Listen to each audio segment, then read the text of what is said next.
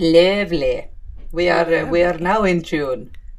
We are now in tune. Hei, Maria. Hei, Sara. Hei, hvordan går det? Det går bra, bortsett fra eh, lang jobbing. Nå går det dritbra. Hvorfor jobber du så lenge, egentlig? Hva er det som skjer? Um, jeg har jo sagt ja til å være med på um, Jeg klarer jo ikke å si nei til en dritt, så Sagt ja til å være medregissør og produsent på Dus, Ungdomskilden eh, sin Den unge scene. Ah, Så jeg har da vært Der er jeg liksom hver onsdag og torsdag kveld. Så er jeg der. skal de være dus? De skal være i sus og i dus, eh, hele gjengen. Ah. Det er et veldig fint stykke, da, for det er det, Når jeg leste det, så var det sånn Å, jeg savner mosaikk. For det er veldig sånn eh, ungdomsteater, liksom her og nå, ungdomsteater, og det er, det, er veldig, det er et veldig fint stykke. Det er veldig trist, men det er veldig fint. Kult. Veldig sånn Ja, hadde vi i Mosaikk eh, hatt Ungdomskilden, så hadde vi gått der, for å si det sånn. Ja. Og det er en veldig sånn vi sånn hadde jo mosaikk, så vi trengte jo ikke ungdomskilden. Vi gjorde ikke det, heldigvis. Heldigvis. Eh, heldigvis så hadde vi Sølvi. Nja, Sølvi. Ja. Verdens beste teaterlærer, Faktisk. faktisk. Men eh, nei, så har jeg liksom Da jobber jeg jo liksom fra klokka halv åtte om morgenen til nå, og det blir sånn Jeg har jo noen pauser innimellom der, men allikevel så blir det sånn Det er lenge, og så treffer jeg ikke Mio hele dagen, og det, det er egentlig det som er mest tungt. At jeg ikke får sett han liksom i løpet av dagen. Så er det sånn Babyen min. Men så har jeg heldigvis en fin barnehage som legger 1000 videoer på internett. eh, Vi har sånn lukka Facebook-side. Så jeg går inn der og bare Baby. Og du sitter på jobb og ser på videoer av ungen din Ja. på Facebook og gråter litt. Ja. Det er det jeg gjør. Så sånn er det. ja. Men eh, nei, og så har mye å holder på å få flere tenner, så han er litt sånn pjusk om dagen. Sånn kontinuerlig pjusk. Og da er det liksom Ja. sånn ekstra sånn mamma-hjertete å ikke være der. Men så var, altså, min mamma igjen har jo vært der med han, og han elsker jo hun like høyt som han elsker både meg og Fredrik, så han har jo en god familie rundt seg. Så da, Det det, gjør det litt bedre at jeg vet at han har det veldig godt når jeg ikke er der. Ja, ja. Faktisk. Ser den. Ser den. ja. Eh, nei, så det, det var oppdateringa for min dag. Hvordan har din eh, dag slash uke vært? I dag har jeg vært ute av huset. Impressive. For nå er det ikke fullstendig lockdown-bonanza på Nesodden, så i dag kunne jeg faktisk gå på kontoret. Oi. Eh, ikke, for, for, ikke fordi det var jo ingen andre der. Så jeg traff jo ingen andre mennesker. Men det var veldig deilig å komme seg ut av huset og ut og gå litt og sånn. Det Jeg er ikke så flink til å motivere meg sjøl til å komme meg ut av huset når jeg egentlig ikke trenger. Ikke heller. Kjempedårlig. Kjempe, kjempedårlig. Det er vanskelig å gå på butikken det- når ikke må ut av huset. Ja, det er stress. Ja, det er så stress. Så det er så godt å måtte gå den halvtimen til og fra jobb for å få litt bevegelse i den gamle skrotten. Ja, det, det skjønner jeg faktisk.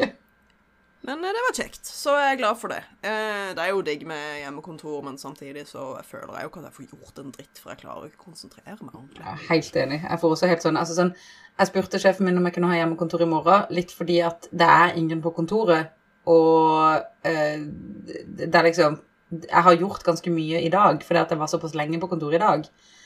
Så da var det sånn Ja, ja, da kan jeg jo like så godt bare kan jeg like så godt være hjemme og gjøre så mye jeg kan. Men det er liksom ikke så mye som eh, haster, annet enn å liksom jobbe med manus og sånne koselige ting som jeg like så godt kan gjøre hjemme. Ja. Og når ingen andre er på kontoret, så tenker jeg eh, det er veldig trist å være der alene. Ja, det blir litt stusslig. Mm. Altså, forrige uke så Da var det jo Altså ikke tvang på hjemmekontor, men helst at man skulle være hjemme. Men jeg hadde jo hjemmekontor et par dager i uka før det òg, for da hadde jeg sittet på kontoret alene hver dag i fire dager. Det var sånn fire dager. Og til slutt så bare Vet du hva, det her Nå Det her er så jævlig stusslig. Ja. Så nå, vet du hva, jeg går hjem. Nå går jeg hjem og jobber hjem, og sjefen bare Ja, jeg skjønner jo det at det kanskje er litt sånn Ikke så hyggelig å sitte bortgjemt der i en krok på Kommunesenter Syd som en sånn nisse på loftet og bare Hello, hello. Anyone? Ekko i gangen. Nei da, så det var, det var meget positivt. Ja. Um, og så hadde jeg en litt sånn fin, eh, fin emosjonell podkast-opplevelse tidligere i dag. Oi. Jeg tror jeg fortalte om det før jul. Uh, den altså den podkasten jeg hører mest på, er jo My Favorite Murder. Og en stor del av den podkasten har vært katten til hun ene. Ja. Um, den katten som avslutter hver episode. Elvis heter han, en siameser. Uh, og før jul så døde Elvis. Ja. Uh, Elvis ble gammel og syk og måtte avlives. Eh, og i dag så kom jeg til den episoden hvor Georgia forteller om at hun måtte ta bort katten sin. Oh. Og alle som noensinne har hatt et kjæledyr, vet jo at det er så jævla traumatisk. Det er ingenting som er vondere enn å ta Å, fy faen. Og det var så trist, og jeg hadde akkurat kommet ut av dusjen og bare, jeg måtte bare sette meg ned og grine, for jeg syntes det var så fælt å høre på. Eh, men så hadde de en veldig fin samtale hvor liksom du hører at Georgia er kjempelei seg og sitter med gråten i halsen og prater om denne katten som hun, som hun eh, er så glad i, og som hun har mista. Og hun andre i podkasten, Karen, hun er, liksom, hun er veldig sånn forståelsesfull, men så sitter hun og kommer med litt sånn kommer liksom småspøker, ikke for å liksom prøve å le det bort, men for å få Georgia til å le, og for å få henne til å føle seg bedre. Og så minte det meg så sykt om vår gjeng. Det er så sant, ass.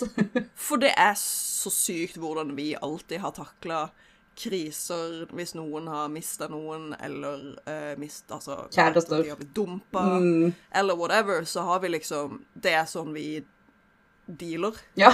Vi drikker øl og ler av det. vi slår litt sånn dumme spøker, sånn at alle bare kan le i stedet for å grine. Ja. Og altså, da, ble, da ble jeg veldig glad og bare åh, Det er oss. Og det er veldig koselig. Det er jo, eh, det er jo en av de beste tingene, syns jeg, med vår gjeng, egentlig. At vi er eh, sånn at vi prøver å få hverandre til å le i de største krisene.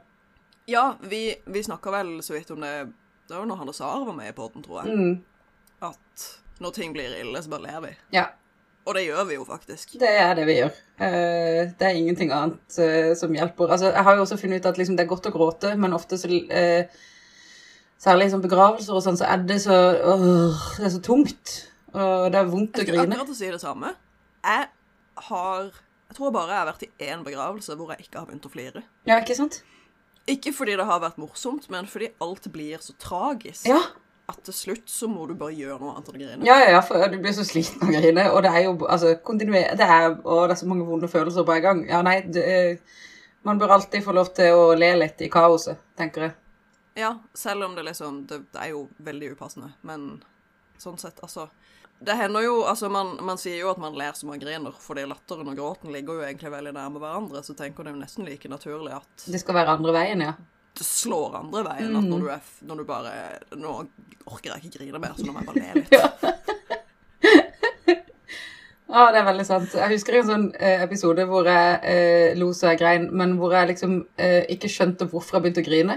Altså, det var, og det var ikke fordi jeg lo sånn latterkrampe-lo, jeg bare begynte å flire, og så gikk det over i gråt. Og det er en av de gangene jeg tenker Hæ? Eh, Det er veldig sjelden jeg ikke føler at jeg er i kontakt med følelsene mine, men det var en av de gangene hvor jeg tenkte nei, men hva faen skjer nå? Hvorfor griner jeg? Du vet når du ja, blir det, sjokka. det sjokka. gjør faktisk Ja, men det gjør jeg jo Altså, det, det, skjer ikke veldig ofte, men det er jo sånn En ting er når du, når du ler sånn at tårene begynner å trille. Det er jo én ting. Men når du ler, og så går det plutselig over i den der sånn der hulking Ja, Så er sånn Hva? hva skjedde nå? Øh, Hvorfor er, nå? hvorfor er jeg her? Hvorfor er dette Det følelsesspekteret? det, det var ikke det jeg Det var ikke det jeg ville. This is not the way to go. Nei, det er veldig godt å vite at det er flere som har det som oss. Det er sikkert flere som sitter og nikker anerkjennende mens de hører på nå. Ja, jeg håper at ikke det bare er meg og deg, for det er ikke kleint. Eneste to menneskene i verden som hulker Plutselig ringer annet sånt helseinstitutt og bare Hallo. Nå må dere Vi komme må hit. sammen. Faen. Nei, jeg har allerede vært og fått hjernen min målt, All is good, I think. jeg. Jeg håper at den funker. relativt ok. Nei da. Jeg ser fram til eh, en helg hvor jeg ikke skal gjøre noen ting. Åh, ja, det blir gøy. Nå skal, når er din sånn helg? For jeg føler liksom at min er til sommeren. Min er faktisk denne helga her. Aha, å, deilig. Ja, for du skal ikke flytte eller noen ting nå. Nå er du liksom på plass. Skal ikke flytte, ikke vaske ut av det forrige huset, for det gjorde vi forrige helg. Eh, mens jeg hadde migrene. Det var dritgøy. Det er fest. Det er fest i heimen. Og nå har jeg blitt kvitt alle pappesker. Herregud, så flink du er. Eh, så la jeg de ut på Finn. Kom deg og henta de. Alle pappeskene. Wow. Yes. Så hadde jeg en søppelsekk som bare var fylt med søppelsekker og bobleplast, som jeg egentlig skulle hive. Spurte jeg ja, du trenger jo ikke noen søppelsekker og bobleplast. Hun bare jo, gi de til meg. Jeg bare, ja, ok, så. Tenk Ble jeg kvitt de òg? Hei! Det var lurt, by the way. Ja, altså, jeg synes det er så det, Vi hadde jo bare endt opp med å kjøre det på søpla, men jeg syns det er så dumt å kaste ting hvis det er noen andre som kan bruke det. Jeg er jo helt enig. Jeg har bare aldri kommet på at det er noe folk eh, trenger. Men det er jo alltid noen som skal flytte. Alltid. Ja, og altså, jeg har aldri noensinne betalt for flytteesker i hele mitt liv. Nei, For det, det er faktisk det dummeste jeg kan tenke meg. helt enig. Um, ja da, i morgen skal vi kjøre på søpla med noen siste greier. Vi skulle egentlig gjøre det forrige uke, men søpla var stengt. Ja, selvfølgelig. Fordi korona. Herregud, for et Jeg liv. hadde ikke, det hadde ikke slått meg at søpla var stengt pga. korona, men det var den. Altså, det blir litt sånn Ja, men jeg føler liksom ikke at stedet jeg har mest nærkontakt med andre mennesker, er på søpla. Nei, og så er det jo utendørs. Ja. Så sikkert bare en unnskyldning Ja, for å ha litt fri. Altså, hele resten av samfunnet har fri. Jeg tenker, ja, ja, kjør på. Men det kan jo også hende fordi veldig mange bruker liksom lockdown-tida til å gjøre liksom Yes. jeg, forbedringer hjemme. Og da blir det sånt jævla renn på søpla at de bare Nei, dette gidder vi ikke. Vi stenger. Ha det. Ja, jeg, jeg tror det også, fordi eh, bare sånn den første lockdown-perioden så var det jo Det, var jo det, første, det første alle gjorde, var å rydde i hagen. For det var jo mot vår, så alle begynte med hagen først. Og så Ja. begynte alle med redecorating. Og altså Jeg skjønner at søpla er sånn Nei, vet du faen meg hva. Ja, jeg gjør egentlig det. Ja. Eh, jeg jeg, jeg, jeg syns at eh, de som gjør en av de viktigste jobbene i samfunnet vårt, fortjener litt fri, de òg. Å, absolutt. Mm. Ikke at det er fri, da, men det blir jo litt sånn friaktig. Ja, så hvis ikke de har åpent, så vet jeg jo hvor mye de har å gjøre. Hvis ikke det kommer søppel inn. Jeg vet ikke, jeg, vet ikke, jeg kan ikke noe om det inner workings av uh, avfallssorteringssentralen. Nei, eh, hvis det er noen som hører på som jobber eh, i avfall sør eller vest eller øst, gi beskjed. Ja. Ja. Og så, Det virker som en veldig hyggelig plass å jobbe. ja. Helt enig. Tenk Altså, vi eh, Da vi drev og flytta ut av huset til mamma, så var vi jo ute på søpla i Kristiansand. eh, ute på Sørlandsparken. Mm. 400 ganger. Og de som jobber der, er så sykt trivelige. de er kjempekoselige. Og de virker som de har et sånt bra miljø, og alle er litt sånn kompis, og alle er bare sånn Å, herregud, så søte dere er. Det er bare sånn, Faen, jeg har lyst til å jobbe her. Men- jeg jobbe her? Sara, vi må jo pitche et program til NRK om en sånn søppel Uh, at folk, altså, Du vet sånn The Office-type uh, greie, men bare på søpla. Oh my god, det hadde vært gøy. Fordi at liksom Hvilke problemer møter man på der, liksom? For det, alt, Sikkert veldig mye rart. ja, fordi at ikke sånn, Tenk all den søpla. Tenk alt det gøye de kan oppleve fra den søpla. Holy crap. det er TM. Ingen får lov til å ta den ideen vi skal pitche den. Ja, det må vi. Vi må, vi må lage det programmet. Ja. Eller vi kan lage det som radiohørespill. ok, det er greit, men da trenger vi flere folk med på den. Ja, men du er jo så flink på dialekter, Maria. Du ok. kan gjøre en sånn Nissene på låven Espen Eckbo-greie. Du kan bare spille alle rollene. Så kan jeg være forteller. ok, vi gjør det. Jeg syns det er en strålende idé. Ja, Vi får høre hvis det er flere ja, lyttere våre som har lyst på det programmet, så, så let us know. Yay! Hvor ofte finner dere like i container? Å, herregud! Er det ikke et sånt der søppelforum? Det kalles Reddit. Skjønte du idet jeg sa det, at hva er det jeg sier nå? Faen.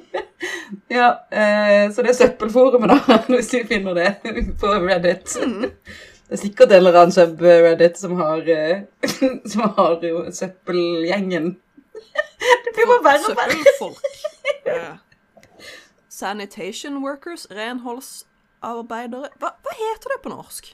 Det er ikke renhold, det er Eh, oh, herregud. Nå det er sikkert noen som hører på, og så bare Nå er dere så dumme. Gleder oss til å få de kommentarene inn fra noen. Vi kommer sikkert til å komme på det når vi har slutta å snakke sammen. Så vi får bare la det ligge, og så får vi få beskjed av noen hva det heter. Men jeg tror oppriktig talt jeg ikke vet hva det heter. Jeg tror heller ikke det, for det er aldri noe jeg har eh, Nå høres jeg så utrolig white privilege eh, ut, men jeg kjenner ingen som jobber i eh, that line of business. Nei, ikke heller. Og så sånn Da vi var små, så kalte vi det jo for søppelmenn, men man kan jo ikke kalle de søppelmenn fordi det er ikke bare menn som jobber med det. Men man kan ikke kalle de søppelmennesker. Nei! Du kan ikke det. For det, det er dårlig gjort. Det blir noe annet. Ja. Ja. Uh, ja. ja. OK. Så hvis noen kommer på et bedre beskrivende ord for uh, disse men menneskene, de fantastiske menneskene som jobber på søpla, så vil vi gjerne få det med, for da kan vi legge det inn i uh, pitchen vår til NRK. Men uh, når vi snakker om søppelmennesker, har du lyst til å høre om litt, uh, litt mor? Ja! Alltid. Var det var en bra Det var Jeg skulle trodd nesten at vi hadde avtalt det. Ja. Vi er da i Troms. Vi er i Troms. Jeg prøvde å spørre Fredrik om eh, Klarer du å ta en sånn tromsødialekt? Han bare Kan du ikke bare ta nordlandsk og så bare legge til litt sånn rare r-er og sånn? For ja.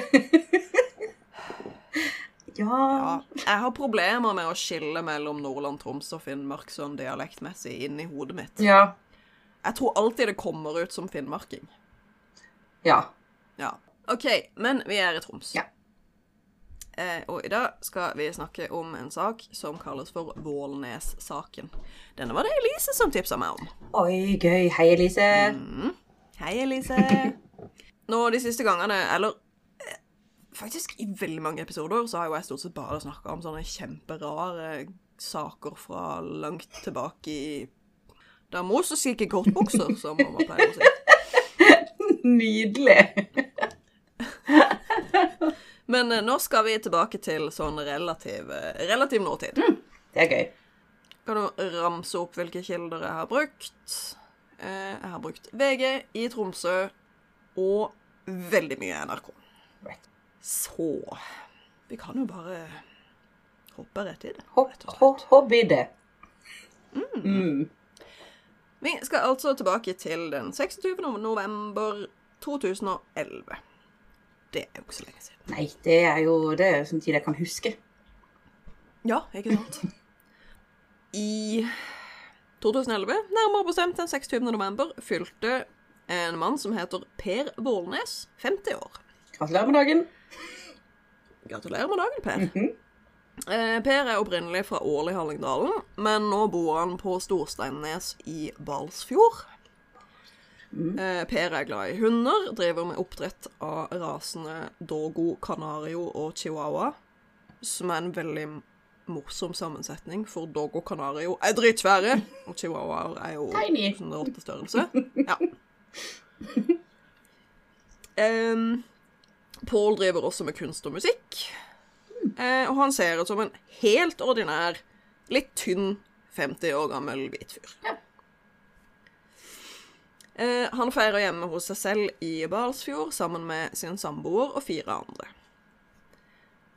Og dette er den siste sikre observasjonen av Per. Eh, OK. Den 1. desember meldes han savnet av sin samboer, altså fire dager senere. Eh, som sier hun sist så han den 30. november. Fire dager seinere, altså sånn fire dager eh, etter Nei. Så fire, Fire dager etter bursdagen. ja. Så eh, samboeren melder han savnet etter fire dager? Ja, hun hevder at hun sist så han kvelden før. Ja, ja. OK, ja. Men, OK, never you mind. men Men Så um, Ikke lenge etter finner politiet bilen hans. En hvit Volkswagen på en rasteplass ved E, e ikke E18, E8 E8, faktisk. i uh, Lavangsdalen ved Sjursnes. Uh, Sjursnes, også kjent som verdens navle. Der har jeg faktisk vært. Gratulerer, tror jeg. Det er verdens minste plass hvor ikke det skjer en dritt, men det er veldig fint der. Ja. Selvfølgelig, det er i Troms. Ja, ja. Det er dritfint. Fjell og fjord og altså. niser og mygg på størrelse med små hunder. Altså, Drømmeplassen. what's not to love? Uh, what do they eat when they can't eat hobbits? Der finner de i hvert fall bilen hans. Eh, nøklene finner de i en elv like ved. Men Per finner de ikke noe sted. Nei. Det er ca. halvannen time å kjøre mellom Storsteinnes, der som Per bodde, og Lavangsdalen.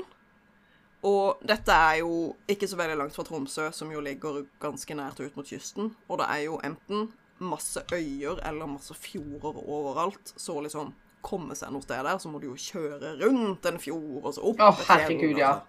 Det er så, mye, det, er så, det er så lange avstander. Elise kan skrive under på dette. Helt vilt. Helt altså. I luftlinje så er det ikke så veldig langt, men når du skal kjøre dit, så er det liksom ja, kronglete som faen. Ja, De har ikke liksom tilrettelagt for bil i Nordland. I Tromsø. Nei, ikke så veldig. Ikke så veldig. Eh, og så har jeg kikka på satellittbildet over dette området. Eh, det er ingenting der. Det er ingenting i Lavangsdalen. Det er en skau. Det er en skau. Så hva gjelder verden skulle han der? se på utsikten. Kanskje? Ja. Han var visst veldig glad i å gå tur, men så er jo spørsmålet hvorfor i all verden skulle han kjøre halvannen time for å gå tur, når det sikkert var turområder der han bodde. Altså, nå bare tenker jeg at kanskje, kanskje han var veldig eh, lei av sitt nærområde. turmessig. Kan jo være. Men jeg tror ikke det, for jeg har bodd i Nordland, og eh, selv der så var det nok tur til at jeg aldri kunne blitt Jeg hadde aldri blitt ferdig med å gå i nærområdet mitt. Nei, ikke sant. Ehm, Den 6. desember etterlyser politiet Per i media. Eh, Og de tror lenge at han bare er savna uten at de har mistanke om noe kriminelt. Ja. Altså enten at han har rett og slett bare bestemt seg for å dra, eller at han har gått seg bort i skogen. Altså, hvem vet. Mm. Eh, Men tida går, og våren kommer, og Per er ennå ikke blitt funnet. Eh, Så da endrer de status på saken, og Kripos blir kobla inn, og politiet tror nå at Per har blitt myrda. Ja. Pers søster gikk tidlig ut med bekymring om at Per ikke hadde forsvunnet etter eget ønske. Hun kunne fortelle at Per var redd, eller hadde uttrykt redsel for å bli drept, og hadde varsla familien om å ta kontakt med politiet om han skulle være borte i mer enn tre dager. Hvorfor gjorde de ikke det, da? Eh, hun hadde Nei, nei, nei, nei, nei, riktig. Jeg skjønte det nå. Nei, for de hadde jo tatt kontakt etter én dag. Ja, mm, mm, never mind. Ja. Ja, og hun ga jo også beskjed når hun snakka med politiet om at Per hadde sagt dette, så hun trodde det hadde skjedd noe, men Ja. de tok på alvor. Politiet, skjerpings. Så 31. oktober, som jo er vår favorittdag, Halloween! pågriper de Pers samboer, hennes nye kjæreste, som hun hadde flytta sammen med innen et år etter at Per ble borte, Mm, Jaha. og en venn av paret. Alle disse tre var til stede på 50-årsdagen hans. Oh, Eh, og det kommer senere fram at både politi og naboene hadde reagert på at samboeren til Per og den nye kjæresten hadde flytta sammen såpass fort, mens Per fortsatt var savna. Ja, for det er jo litt sketchy. Det må vi jo bare innrømme. Det er litt sketsj. Ja, ikke gjør det. Hvis du, hvis du, hvis du, hvis du mister samboeren din en gang, så uh, ikke fly sammen med noen andre veldig fort, for da blir du uh, antatt som the murderer. Murderer. Uh, ja. Alle disse tre siktes for drap eller medvirkning til drap, men alle tre nekter straff sjøl. De blir likevel varetektsfengsla, og de forblir i varetekt. Eh, og politiet sin teori er at Paul ble drept i sin egen bursdagsfeiring. Å, fy faen. Samtidig så jobber politiet naturligvis med å finne Per. Selv om de er jo sikre på at han antageligvis er død. Mhm. Men de må jo finne han likevel. Eh, Men det er først etter dette, altså etter 31. oktober, året etter han forsvant, at de sperrer av området rundt Hundregården og huset til Per for å sikre tekniske spor. Et år etter. Omtrent. Herregud. Så du kan jo tenke deg at ja. Det er jo ikke så veldig mange spor igjen der. Eh, altså, skal man tro CSI, så finner de jo de rareste ting. Men på et sted med et klima som Troms, så tenker jeg Ja, og hvis det er masse bikkjer som går rundt og graver og gnomer, så mm, mm. I en artikkel så opplyses det om at det blir tatt hår- og urinprøver fra noen av hundene på oppdrag fra Pers søster. Oi. Og hun forteller i et intervju at samboeren og kjæresten, altså samboeren til Per og hennes nye kjæreste, hadde vært veldig opptatt av at de måtte vaske hundeburene, i stedet for å være med og lete etter Per etter han hadde forsvunnet. Hva faen? Altså, kan du bli mer skyldig? That's pretty fucking shady. eh, politiet fokuserer også mye på denne hundegården, eh, ifølge en NRK-artikkel, men det, det er usikkert hvorfor. Det har liksom ikke blitt skrevet noe av om det i ettertid, så vidt jeg kan se. Eh, men jeg kan jo se for meg hvorfor de fokuserer på hundegård. Eh, ja. Jeg ville jo også, tror jeg, fokusert mitt eh, Eller ville lagt mitt fokus der. Um, Ja. For det er vel der det er lettest å begrave ting. Ja Mm. I en artikkel på fremover.no forteller regions, regionlensmannen Regionlensmannen? Det er også et. Lensmann i den regionen. Ehm, at han på tidspunktet måtte slåss mot sitat, groteske rykter satt ut av en enkeltperson i sammenheng med prøvene som ble tatt av hundene. Ehm, det ble først skrevet i media at politiet hadde tatt avføringsprøver fra hundegården, men det viste seg å ikke stemme. Det var jo hår- og urinprøver de tok, og det var jo ikke politiet som tok prøvene, det var søstera, eller vet veterinæren, Ja. på oppdrag av søstera. Ja. Og disse, noen av disse hundene som Per drev oppdrett av, disse Dogo Canario, Mm. er visst en ynda rase blant folk i kjipe miljøer. Ja, ikke sant. De er lovlige i Norge, men de ser ut til å ha samme funksjon som pitbuller for mange. De er svære, de er muskuløse, de ser jævlig skumle ut. Og de er dritfarlige hvis ikke du behandler det ordentlig. Eh. Så um, Eh. Hvis du da tenker igjen på at de brukte At de hadde mye fokus på å lete i hundegården Og jeg sier uh, Bricktop fra Snatch. Eh, da? det, de har selvfølgelig fått bikkjene til å spise sånn. Det er jo det jeg også tenkte med en gang, at det ville jeg gjort hvis jeg hadde myrda noen og hatt en haug med svære bikkjer, så hadde jeg jo selvfølgelig fora vedkommende til hunden. Selvfølgelig, hvis hundene var et sånn type slag, holdt jeg på å si. Du vet sånn, hundeslag som spiser mennesker. Det ville vært masse bein igjen der, så det er jo sånn sett ikke så innmari praktisk. Men Men eh, etter altså, det er ikke bekreft, bekrefta noe sted at det var det de mistenkte, men ut ifra det jeg har lest i de forskjellige artiklene, så får jeg sånn Å, herregud, de trodde faktisk at de hadde fôra han til hunden. Åh. Poor doggos. Ja, å, så mye feil. Eh, så fryktelig mye feil i, i det. Ja. Men det kom aldri noe ut av dette heller, så Per hadde ikke blitt fôra til hundene sine. Ok, men Så vidt de kunne finne. Og det kunne de jo da sjekke med å ta DNA-prøver og sånn av de da siden, for det, det var jo et år siden. Ja, det, det vet jeg ikke, men er, altså Hvis du hadde fôra de til Ja, myten sier jo at hvis du hadde fôra han til grisene, så hadde de spist alt. Jeg vet ikke om det stemmer. Ikke heller. Jeg tror de ble syke. Men hadde du fôra han til Altså, hadde du fôra den til bikkjene, da hadde jo ligget bein igjen. Det hadde det. Eller beinrester. Eller en og annen tann. Ja, noe. Og som Og så plutselig kommer han en fyr med stor bart og bare 'Hvor er tanna mi?' OK, Ja. men vi er da forbi en mulig mistanke om at Per hadde blitt fôra til hundene. Så det er de nesten sikre på at det ikke har skjedd da?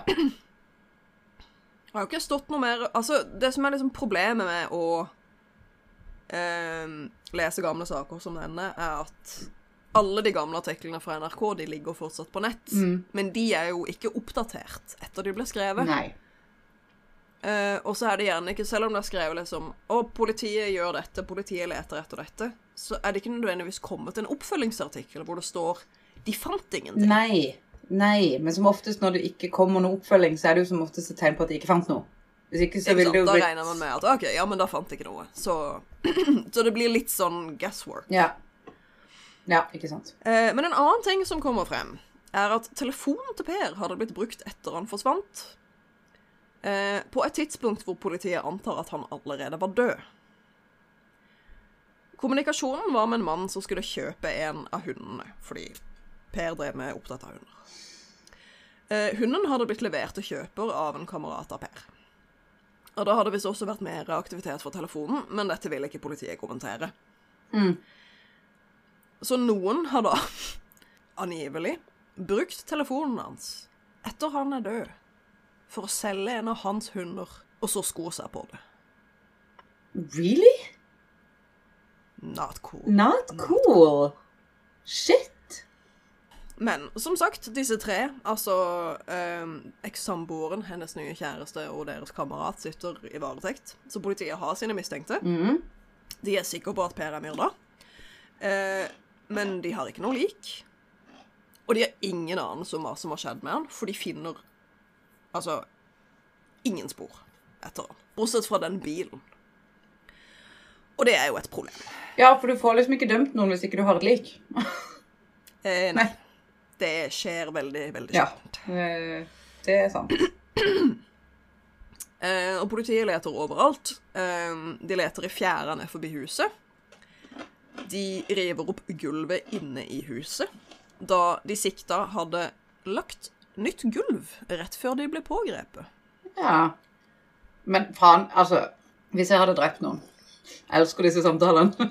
um, hvis jeg hadde drept noen, så hadde jeg jo aldri kommet på å legge den under noe gulv eller noe, fordi jeg hadde vært så redd for den lukta som eventuelt plutselig ville kommet. Skjønner du hva jeg mener? Uh, ja. Liksom. Altså, Man vet jo ikke om Hvis den var decomposed, men uansett hvor decomposed, så kan det alltid skje at det er noe lukt. ikke sant? Med mindre du liksom legger betong. Men så til og med der så kan det sive igjennom. Uh, nei, æsj. Hvis liket er mumifisert, så er det, da, da er det jo tørka inn. Mhm. Så da er det jo ikke noe lukt. Da blir man jo bevart for håper jeg, ettertiden. Mm.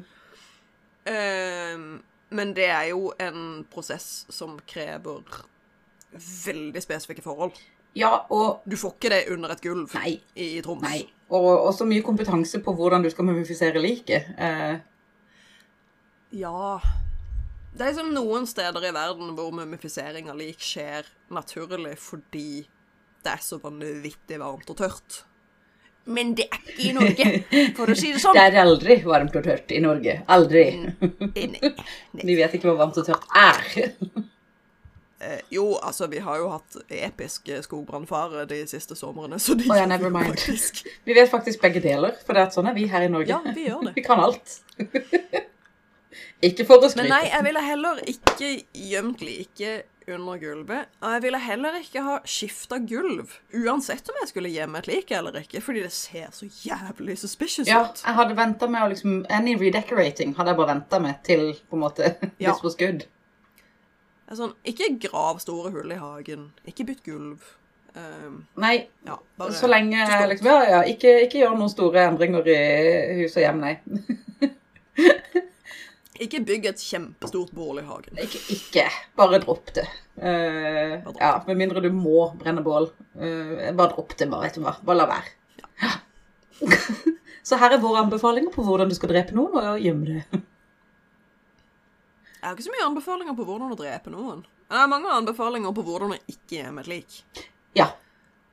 Ja, det er det. Det er der vi er gode. Der er vi gode. Så hvis noen trenger hjelp, trenger guidance på hvordan du ikke skal gjemme et lik, så Ikke ring. Please, ikke gjør det. Tenk den telefonen. Før vi vet ordet, så knokker politiets sikkerhetstjeneste på døra og bare Hallo.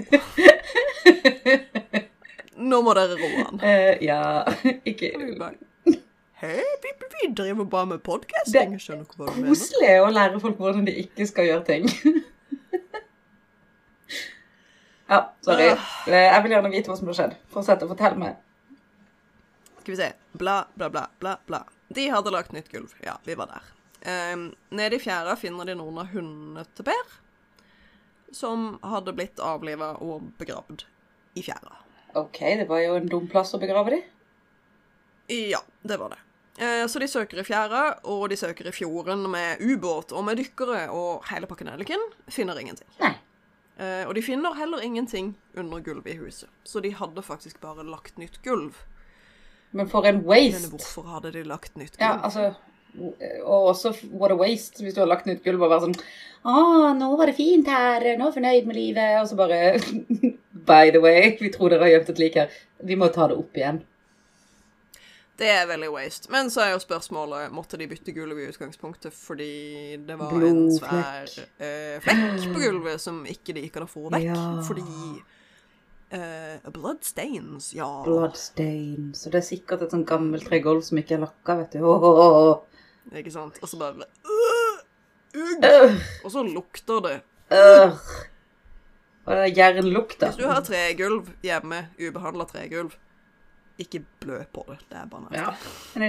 Ikke drep noen i huset Nei. heller. Ikke drep noen Ja. generelt. Bare la være. jeg tror liksom eh, ting å ta ut ifra denne podden eh, Ikke drep noen. Alle spøkelser er snille. Paul Call. Paul Call og bispinne Og Marie. bispinne Marie. Viktig dame. um, ja. I januar 2013 skriver NRK at politiet har gjort tekniske funn i huset som kan, jeg siterer, karakteriseres som interessant. Oi. Men det er alt de sier om den saken. Jeg bare Takk for den opplysningen. Takk skal du ha. Det var veldig hjelpsomt. I oktober i 2013 gjør politiet et nytt forsøk. Eh, denne gangen på ei gjestestue hvor to av de sikta eh, jobba da Per forsvant. I perioden de jobba der, så hadde det pågått store utbygginger på gården. Og politiet mistenker at Per kan ligge under det ene nybygget. ja. Så de bruker eh, lekehunder, georadar og boring. Men de finner ingen spor av lik. Ehm, etter 405 dager i buret slippes de sikta ut av varetekt. Eh, de er fortsatt sikta, men de løslates antageligvis pga. bevisets stilling at de, de kan holde de lenger. Ehm, året etter går politiet tilbake til gjestestua. Denne gangen river de opp gulvet og leter i massene under nybygget. Uh, dette var etter flere kilder hadde opplyst at Pål var gjemt under gjestestua, men de finner fortsatt ingenting. De finner ingenting. Men kanskje de har flytta det siden Altså, eh, siden de kanskje skjønte at Pål eh, Kål. Pål hadde sladra? Jeg vet ikke. Ut ifra det jeg har lest, så er det Det virker veldig sannsynlig at det er samboer. Ja, det høres jo sånn ut. Jeg må jo innrømme det. Det er bare innmari rart at de ikke har funnet noen spor. Men på den annen side, når ikke de Når ikke de begynte å lete etter tekniske spor utenfor huset før sånn et år etter Altså Mm. Det er liksom, Saken er litt tapt allerede. Det er veldig cold case-stemning, ja. men, men det er så til de grader cold case også. Altså, det er jo veldig godt mulig at altså, At det er ting som ikke har blitt opplyst om til media. Selvfølgelig er det det. Mm, ja, ja, selvfølgelig. Eh, Men ut ifra det som er skrevet på Jeg har jo stort sett bare brukt NRK, fordi de dekker jo alt. Flink NRK. Mm. Ja, godt jobba. Um, og det later liksom ikke til at de Altså, de har lett overalt, men de har ingen spor som leder i noen retning, annet enn at han er borte. Jesus Christ. Altså, bilen eh, Altså. I'm so intrigued. Ja, politi og statsadvokat ønsker å ta ut tiltale mot de sikta, Eh, og saken ender hos Riksadvokaten, men vedkommende henlegger saken av bevisets stilling. Ja. For de har ikke noe årsted, eh, og de har ikke noe lik. Og det blir vanskelig å forsvare i retten. Ja, jeg, jeg skjønner jo det. Eh, det virkelig forstår jo det. Og dette er et rettsprinsipp som dette er dagens fun fact, som kalles corpus delicti. Vakkert. Som kan oversettes til the body of the crime. Og det handler ikke om the body som i en fysisk kropp, men the body of evidence, som er liksom Ja. hele bevismaterialet samlet. Ja, ja. Mm. Og å kunne dømme noen for drap når du verken har åsted eller lik, det skjer så å si aldri. Det har skjedd et par ganger i, eh, i Amerika, hvor jo si, flere folk blir myrda enn det de gjør her. ja. Det er jo lov å si. Eh, det er lov å være ærlig, si. Ja. Men på den annen side, eh, man burde jo være forsiktig med å dømme noen når man ikke har et åsted eller et lik. Hvis man ser på eksempel Nordens største whack-job, Thomas Quick, Ja som tilsto åtte drap som man, Som man ikke, ikke hadde, hadde begått. begått. Og der fantes det verken åsted eller lik. Riktig. Oi, og, ja, og du har, det er en til eh, sak fra Norge om eh, or, Det er en eller annen bergenserfyr som eh, hvor de tror kona drepte en sånn pike på gården. Eh, og så tilsto mannen for å liksom redde kona, men de fant aldri noe lik. Eh, så selv om han tilsto, så var det sånn Ja, vi kan ikke dømme deg, for det er ikke noe, det er ikke noe bevis på at noe er begått. Ja. Eh, Hollekim-drapene, drapet var det. Hollekim eh, het de vel. Ja, ja, de har jeg lest litt sånn løst om, men der er det barn som dør. Så jeg vil ikke snakke om den i poden. Nei, jeg skjønner det. Jeg er helt enig. Eh, jeg så en teaterforestilling av den hvor de utelot den delen av det. Det var liksom bare snakk om at det var en eh, sånn hjelp Hva heter det? Sånn dame som hjelper på gården. Kvinne. Barn. Ikke barn. Tenåring. Disse, disse som ble sendt på gården for å hjelpe å rydde og vaske. Hushjelp. Tjenestepike? Hus- Tjenestepike. De liksom Nå Hjelp! SOS, SOS! Faen. Men ja. Eh, den er også ganske sånn interessant fordi at de Altså, de, de har ikke noe bevis, så de kan ikke dømme noen. Men har det, er det liksom det. eh, Er det noe liksom Er det noe mer i saken? Er den liksom Ja og nei. Eh, I 2019, faktisk. Oi. Altså, eh, saken ble henlagt i og enten 2013 eller 2014. Mm. Men så, i 2019, mottok politiet nye tips i saken og foretok nye søk. Eh, Det sies ingenting om de fant noe. Kanskje de fant noe og ikke forteller det til offentligheten, eller kanskje de ikke fant noe. Eh, Men jeg syns det er betryggende å vite at de fortsatt leiter eller prøver å finne ut hva som skjedde med Per, selv om saken er henlagt. Enig. Det, ja, det gjør meg veldig glad, for det, er liksom sånne uløste eh, drapssaker. Vi vet ikke om det er en drapssak, om man bare trynt ned i en fjellside. Altså, gudene vet, men det høres jo veldig lite Nei, sannsynlig altså, ut. det ser jo veldig, veldig mistenkelig Ja. ut. Men det kan også bare være tilfeldigheter. Ja, men veldig sjelden så er sånne ting til- tilfeldigheter. Er du ikke enig? Jo, jeg er jo det, men Ja. Men det var Det var den historien crap. om Per Bornes. Så hvis noen eh, liksom får ånden over seg og kan bruke internett, eh, kan dere ikke prøve å finne ut av eh, Finne ut av ting? Finne løsninger. Kom igjen, folkens. Eller hvis noen som hører på, vet hva som skjedde med Per. For noen der ute vet noe. Ja. Noen der ute vet noe. Så kontakt politiet, eller kontakt Kripos. Ja, ikke kontakt oss, for vi kan ikke gjøre så veldig mye annet enn å si hvor du ikke skal gjemme liket. Men han, altså Mannen hadde jo en familie. Han hadde søsken, han hadde foreldre. Eh, og de fortjener å vite hva som skjedde. Ja. Jeg er helt enig. Alltid. Eh, men NRK skal lage en dokumentar om serien. Eh, Det, skal de lage dokumentar om serien, har jeg skrevet. det var- Seriøst, skal de lage en dokumentar om serien? Nei, de skal ikke det, vet du. Saken. Jeg skal lage en dokumentar om saken. Hei! Og den kommer på NRK P1 til høsten. Kos! Da må vi eh, promotere den når den kommer, sånn at folk kan høre den. Mm, det er veldig spennende. Så det var en, et kort, eh, kort sammendrag av uh, Bollnes-saken. Jeg skulle gjerne likt Jeg skulle gjerne likt å vite mer detaljer om denne saken her, men jeg hadde ikke tid til å lese hver eneste artikkel som fins om saken. Nei, det tror jeg alle skjønner. Det som er gøy, er jo på en måte å høre saken, og så begynne å eh, fabulere om hva som faktisk har skjedd. Ja, eh, jeg bare åh, Når det liksom ble lagt opp til at det, det ble mistenkt at eh, de hadde fôra han til hundene sine, da bare sa det nope Nope. hos meg. Det bare Jeg tror det er fordi det er hans egne hunder at det blir så Forferdelig. Utrolig Ja. fælt. Apropos liksom Altså, I Game of Thrones, når han der eh, The Bastard of Bolton ble fôret til sine egne hunder, da var det helt OK. ja, Men det var fordi at han var bæsj. Men han er Ja. en dritt. Ja. Og han er ikke noe snill med hundene sine heller, er han det? Nei, man var jo ikke det på den tida. De var jo bruksdyr, Ja, ikke sant? ikke kosedyr. Men eh, ja, nei. eh, folk må internette seg fram til hva som har skjedd i denne saken.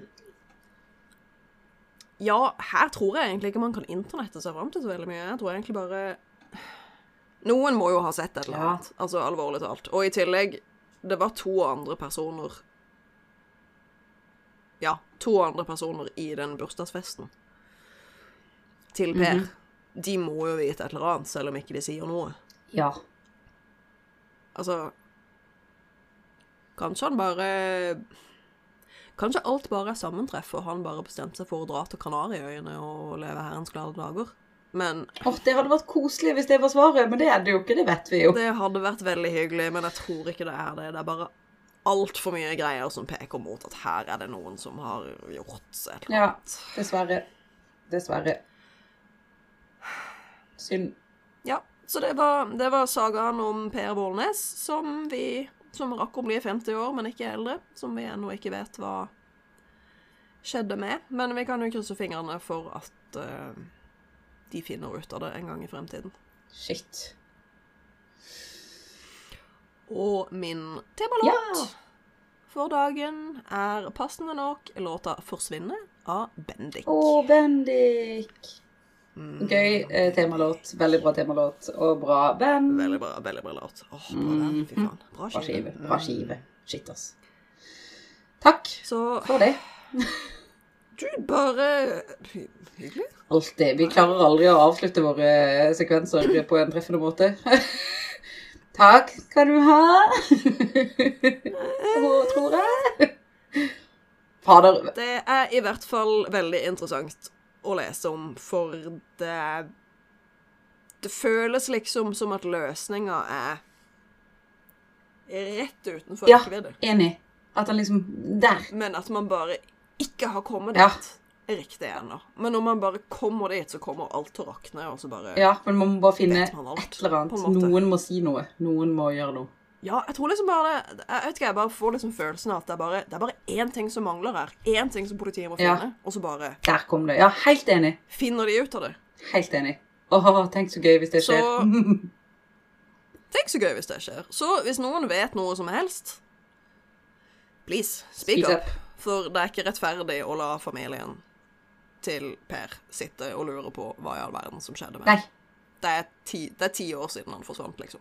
Ja, shit. Oi sann.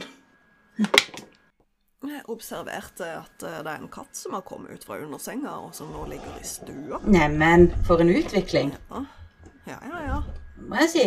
Det er ikke dårlig av pussekatten. Modig, modig. Veldig tøff. Ja, Så tøff. ja en tøff pus. All reit i den. som vi er jo da eh, i godeste Tromsø, vi er også, i spøkelseslivet vårt. Spøkelseslivet. Ja. Nei? Ok. The ghosty life. The Ghost Life. Så eh, først skal jeg fortelle en liten historie om Jeg har også brukt I Finnmark. Eh, avisa. Heter den I i, Finnmark. i Finnmark.no. I Tromsø. Nei, fader, i Tromsø. Jeg mener i Tromsø. Men det fins i Finnmark og i Tromsø. Her spøker det i nord, så jeg tror det går ja, Det gjør det. eh, Men nå må jeg jo dobbeltsjekke at uh, Stemningen Som ligger sentralt sør i havna i Tromsø. Ja, jeg Ja. tror Tromsø ligger i Tromsø, Sara. Har jeg rett? Ja, jeg tror, ja, det er jeg ganske sikker på. Selv om Akershus festning ikke ligger i Akershus. Ja, men altså, ja, det, kan, altså, det er derfor jeg spør. For at, eh, altså, virkelig, jeg tror ikke på noe lenger. Sist jeg sjekka, så var Tromsø i Troms. Ja. Perfection. Nå skal vi Jo, så vi skal da til et eh, Først av alt så skal vi til et eh, studenthus. For det at det fins et studenthus i Tromsø som heter Driv. Ja, det har jeg hørt om. Mm. Eh, og der eh, er det ofte noen som opplever at noen tar på dem. De ser eh, skikkelser passere. Hører at noen går, men lokalet er tomt. Det er ingen andre der. Det er da over, altså, overdelen Overdelen av teksten. My God. Altså Det er genseren. Faen. Ja, det er genseren, OK? Er genseren er historien. Det er genseren. Så da skal vi bla oss litt nedover. Det vil si at vi går til beltet. Ja. Cheeky. Faen. OK. Åh, det er så gøy at jeg er edru og fremdeles bare er sånn Du har jo jobba i 1000 timer, da. Ja, det er sant, så jeg er egentlig Du har jo sikkert en eller annen slags indre promille. Indre promille. um, um, det er altså da de ansatte på Driv uh, snakker, altså vet veldig godt om dette, og det er mange av de ansatte og de frivillige som, uh, når de har vært alene på huset, som ser og hører lyder. Ser og hører, du kan ikke hø se, se lyder. Du kan ikke se lyder. Hvis du har uh, synesthesia Er det ikke det det heter? Oi, er det seriøst? Er du seriøs? Kan du se lyder? Ja, det er noen uh, Det er visst vanlig blant en uh, Eller vanlig, men det er mange kunstnere som har det, at du Det er en slags feilkobling mellom sanseapparatet ditt, sånn at eh, du hører en tone, og så ser du en farge. For eksempel. Eller du hører en tone, og så smaker du noe spesielt. Ja, det stemmer det. Jeg har uh, hørt om det. Det, det er faktisk en ting. Det er en ting. Det er gøy. Så da, de, de, folk som har det, hvis det er det det heter, jeg tror det er det det heter, så kan man jo faktisk se lyder. Da trekker jeg alt tilbake. Dagens ubrukelige fun fact fra meg. Nå skal jeg holde Det er ikke eh, Det er så gøy. Eh, Du har Altså, Sara, du i podkasten er den som har de gøye fun factsene. Eh, hvis det ikke hadde vært gøye fun facts, så hadde det ikke vært fun facts, det hadde vært facts. Kommer på der. Ja, det er sant. Det, facts har du jo også, men du har også de gøye fun facts. ah. Så da fortsetter jeg. At de eh, Men altså, disse har jo da eh, de, Nå skal jeg lese setninga. Jeg har snakket med mange ansatte og frivillige hos oss eh, som vet at de har vært alene på huset, men som har sett og hørt lyder. Og at de har følt at de har blitt berørt av noe. Så det står 'sett og hørt' her. Ja. så jeg skylder på de. Ja, ja, de har sett og hørt lyder. Jeg pleier også å se Da er det noen som ser lyder. Ja. Um, uansett. Vi, fortell, vi, ble, vi snakker da med Espen Hoås Rygg. Eh, som da er eh, en sjef. Han er styreleder på utestedet og på kulturscenen, som eies av Studentsamskipnaden og drives av studentene. Det er en svært populær og kjent samlingsplass for studenter og andre i Tromsø. Nå ble jeg Filmavisen. Hun elsker det! Filmavisen er best. Det utstemte teamet fra Nordlys står her nede i første etasje på Driv. Vi kjenner at det er, helt, det er en helt spesiell atmosfære her. Det er eh, tomt i lokalet. Like før åpningstid. Det er mørkt. Det er dunkelt. En strime av lys slipper inn gjennom vinduet og kjæler med de gamle trebjelkene og kaster ut, kastes det ut på et mørkt gulv. Wow, det var veldig poetisk. Ja. Det, det er sånn det var i Filmavisen på 1950-tallet. 60-tallet, det var da vi fikk TV. Ok, så går vi over til eh, eh, rolig, da, siden vi nå, nå må vi inn i stemningen. Eh, Stemningen er på en måte satt i denne gamle, ærverdige bygningen som ligger sentralt sør i havna i Tromsø. Huset ble reist i 1902, og bygget, som er et pakkhus, var laget for tørrfisk. Nei, jeg skal lese den ordentlig. Bygget som et, bygget som et pakkhus for tørrfisk. Satan, det var en tung setning å si. Veggene er fulle av historie. Fishy. Veggene er fulle av tørrfisk. Fishy. Det er sånn, du husker i gamle dager når liksom puben lukta røyk og øl? Nå er det bare sånn Her oppe så lukter det røyk og fisk og øl. Har du noensinne vært i nærheten av noen som har åpna en pakke med tørrfisk? Nei, tror jeg, eller jeg, jeg, jeg hadde Du ville huske Ja, for det var det- for det stenker noe så helt inn i satan. Altså, jeg bodde jo eh, mange år i Stavanger, og da eh, husker jeg veldig godt den der lukten av Det lukta liksom sånn der kattemat, men det var liksom noen som sa at det var noe tørrfiskaktige greier som holdt på, som var grunnen til at det lukta Altså, det lukta død og fordervelse i hele Stavanger. Vi beklager hvis det er noen eh, tørrfiskentusiaster der ute, men vi, vi søringer setter ikke pris på sånt. Nei, vi er ikke så gode på det. Eh, eh, jeg har smakt det, og syns det var litt sånn kjip chipsfisk. Chipsfisk. Chipsefisk. Chipsefisk. Fiskechips, da, som vil være den riktige veien å si det ordet på. Eh, det var det jeg, hus jeg husker. Og så var det veldig sånn Altså, det er jo Siden det heter tørrfisk, så er det veldig tørt. Eh, og det husker jeg at jeg tenkte sånn Og det føles som å tygge, tygge på en fisketyggis. Som liksom en gammel, gammel tyggis. Skjønner du hva jeg mener? Viskelær av Ja, viskelær og fisk. Ja, ja, riktig. Eller viske... Fiskelær? Motherfucker! Vi er on fire i dag. Og da har man jo på en måte tatt fish and chips, og så har man komprimert det litt. Så det er på en måte bare fiskechips. Vær så god, alle sammen. Her har vi en ny rett vi kan skryte på oss her i Norge. For hvis vi kan lage noe fisk, så kan vi lage dette. Hvis det er noe vi kan lage, så er det dette, ja. Uansett, da.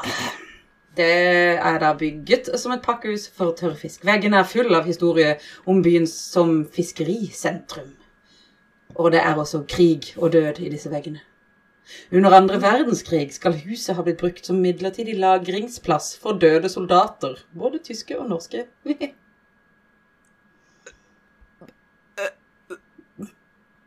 Trivelig, hæ? Ordene lagringsplass og døde soldater hører ikke sammen. Ikke, ikke, bare ikke. Tenk, altså når vi snakker om fiskelukt, tenk deg denne lukta. Grr. Ja, altså det Ja. Ok. Beretningen om det uforklarlige som skjer på Driv utenom åpningstid, kommer i bokform til høsten. Denne artikkelen har jeg ikke sjekka når den er fra. Sorry. Jeg skal sjekke det. Skal finne ut av hva det heter. Mannen bak boken, første amanuensis Roald Larsen ved Universitetet i Tromsø, har i mange år samlet sagn og historier knyttet til nordnorsk folketro. En av historiene knytter seg til spøkelset på Driv. Om ansatte som har uh, hatt uforklarlige opplevelser. De hører fottrinn og noen snakke, de hører sang. Som om noen sitter på bjelkene i fjerde etasje og synger, skriver Larsen. Dypt oppunder taket.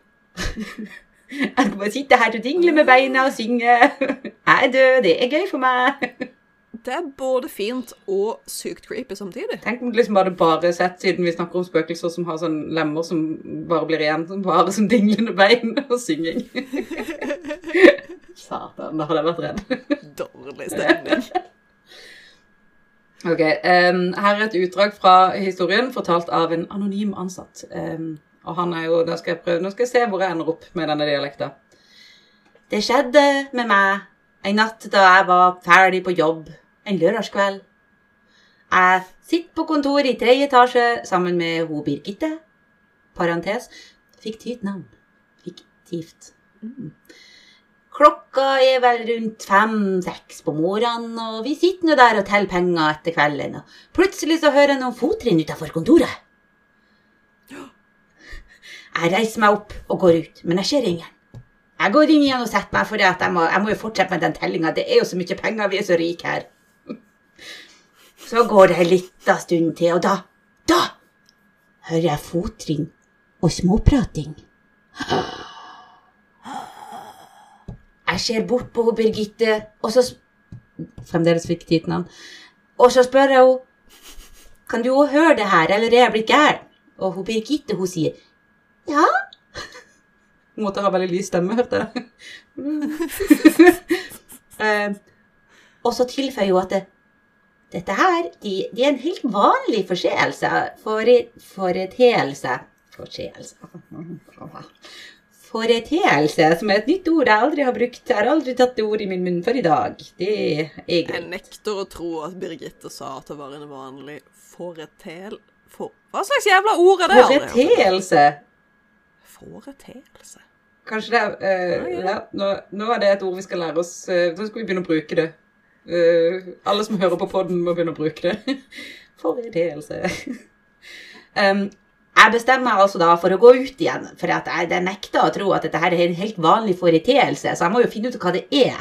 Uh, men da, men da jeg befinner meg ute i salen, så forsvinner fottrinnene og pratinga.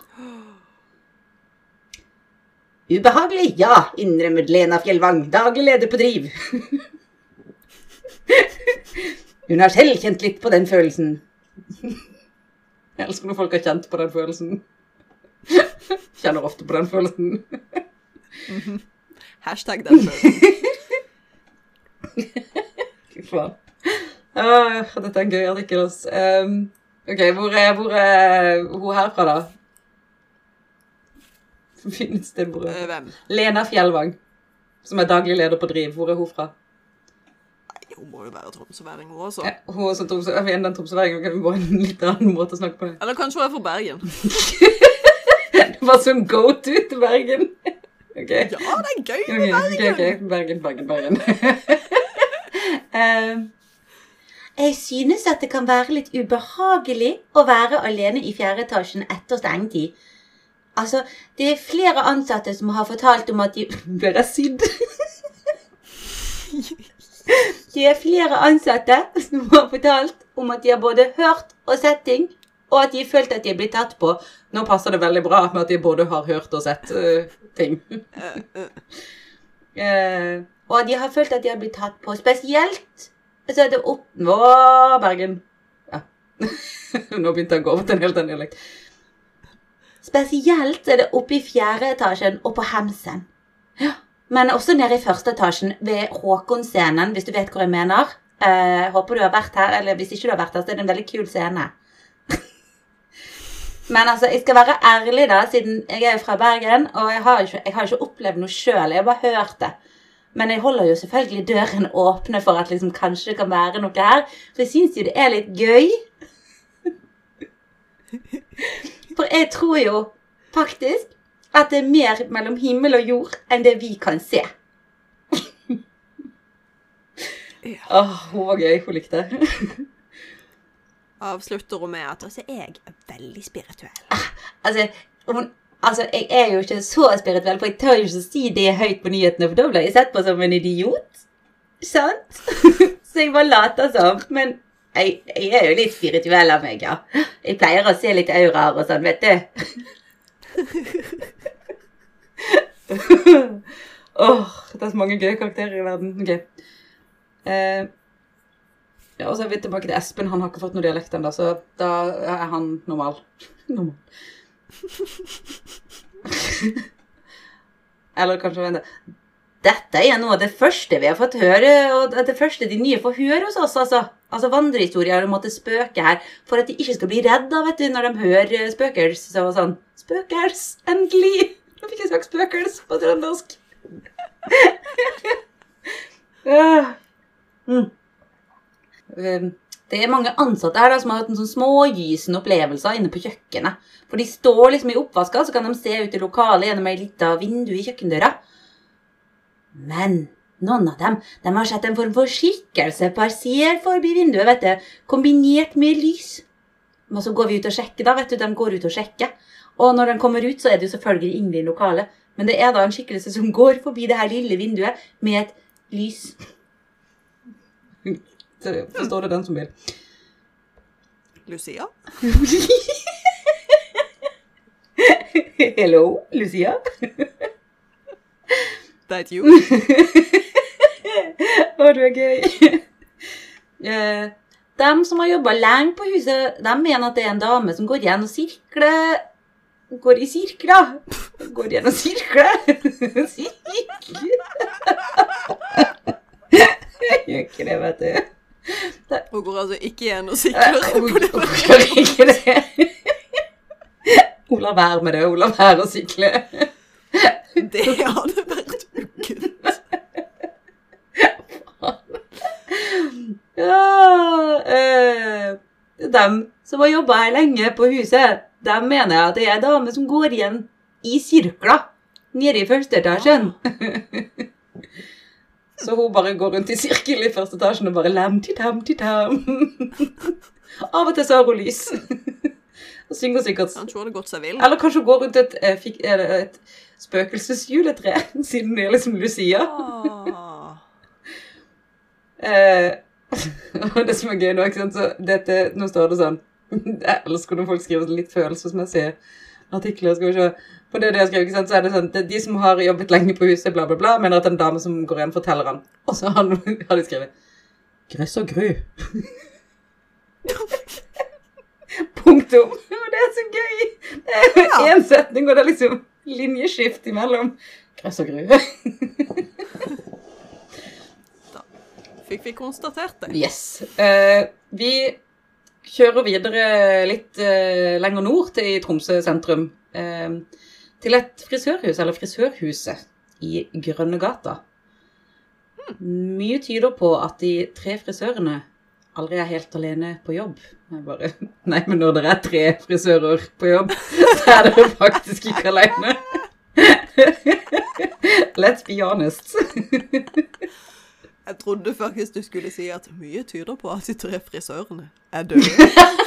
Jeg bare oh, Oh my god! Spøkelsesfrisører!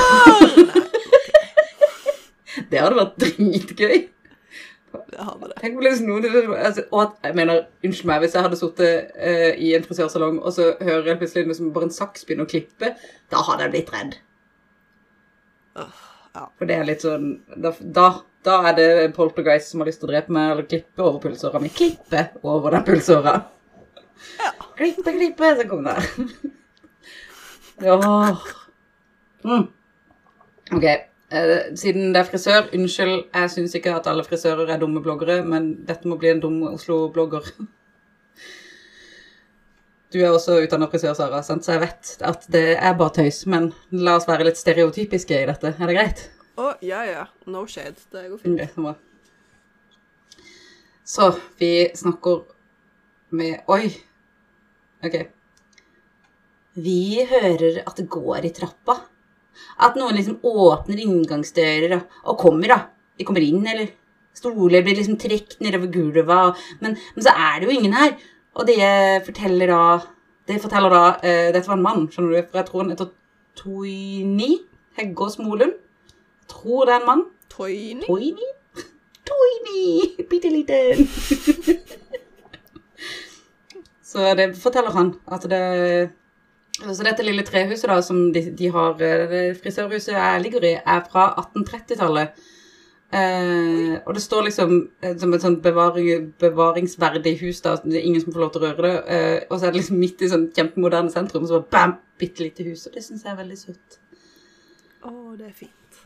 Eh, frisørene har jo da flytta inn i dette huset for ca. åtte år siden. Fremdeles kan være 13 år siden nå, for alt vi vet. Eh, de oppdaget snart at de kanskje hadde fått noen husgjester med på kjøpet. Min eh, søster eh, så liksom en mann da, sittende på venterommet, og plutselig så bare forsvant de bare. De ble borte. Og så, og så var det en liten jente som liksom var alene med moren sin. ikke sant? Skulle klippe seg, da. ikke sant? Og så gikk hun opp i andre etasje. Hun var alene. Hæ? Hæ? Ok, vet da. Nei, nå kommer det. Uh, plutselig så begynte hun liksom bare å snakke med noen der oppe. Hun sa liksom sånn 'Ikke dytt meg ned trappa'. Men det var ingen andre der. What the shit? Eh, jeg hadde blitt dritredd hvis hadde, liksom, hvis en kid hadde gått opp i andre etasjen og vært alene. Eh, Uansett om ungen var alene eller ikke. Hvis noen hvis hadde sagt 'ikke dytt meg ned trappa', så er det sånn helvete, nei, ikke dytt ungen ned trappa. Eh, uh, vi har også opplevd at kaffekrus og sånn, ikke sant, det bare velter uten noen åpenbar forklaring, og det er mye kaffe og te og sånn her, for det er det folk får når de klipper seg, vet du. Klippe, klippe. Eh, og vi vet hva vi faktisk har. Vi har faktisk hatt besøk av Åndenes makt her. Eh, sånn klarsynt person. Og vet du hva hun sa? Hun sa at hun sanset liksom da, at det er, det, det er liksom to menn da, som er her. En mann, eh, visstnok kledd i islendergenser fra liksom 60-tallet da, og han elsker musikk og er glad i damer. Og så er det en Og liker å dytte små barn ned trappa. Høres ut som drømmespøkelsene, disse to mennene her. Hmm. Not really. eh, for den andre mannen, altså, så sier han liksom etterpå Og eh, den andre liksom, spøkelsesmannen, da, han er mer anonym. ok. Good for you. Men altså, jeg, Toini, jeg er ikke redd. Ikke sant? Jeg er ikke skremt, jeg er ikke redd. Jeg liker faktisk å jobbe med eh, det uforklarlige som kollega, liksom. For jeg er litt spirituell. ja. Det står ikke Står det? Det står ikke. Står det? Vent, dette er sitat fra han. Nei, ok, nei, det var ikke sitat fra han, det var sitat fra den klarsynte fra Åndenes makt, som skriver, sier Altså, hun mener da at det bare er den gode energier. Det er ikke noe vondt i dette. Mm, så det er gode energier. Men eh, hvis eh, Toyny eh, syns det er helt ok å jobbe med det uforklarlige som kollega, så tenker jeg han er nok litt spirituell av seg. Jeg regner med det. Eh, Eh, vil du vite hva jeg så for meg når du fortalte at det ene spøkelset hadde islendergenser og var glad i musikk? yes, please. Jeg så for meg Moddi. Åh, Spøkelset til Moddi. ja, men det Jeg tror ikke han dytter småbarn ned trappa. Jeg tror ikke det, og jeg tror vel Ja, nei, nei, og han er vel ikke død ennå, er han det? Nei, han er ikke Nei. Jeg tror han lever i beste velgående. Veldig bra, for han lager veldig bra musikk. Uh, kundene på dette frisørhuset de er heller ikke redde. De er tvert om eh, relativt eh, nysgjerrige på fenomenet. Uh, et Å, det er det gøy. Et hårreisende fenomen, kanskje, men det passer jo utmerket til en frisørsalong. oh, ja. Ok, du uh, Ok, vent da. Jeg har hørt historiene om det her huset, men det, det, det har aldri hindra meg i å gå hit, liksom. Selv om jeg aldri liksom har hørt eller sett noe, eh, så, så liker jeg liksom å bli klippa mens jeg liksom ser for meg at det kom spøkelser rundt meg, da. Eh, Dette da sier kunde Beate Hei. Beate Hai. H-a-y for Yngvar her. Hai. Hei, hei. Ha.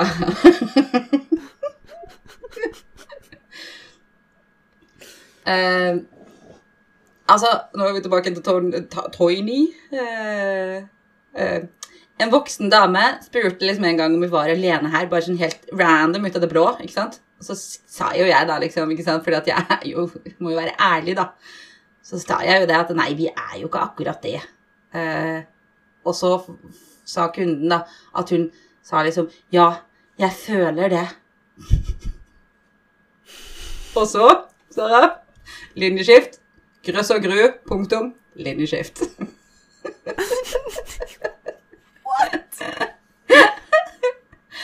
Å, det er så gøy.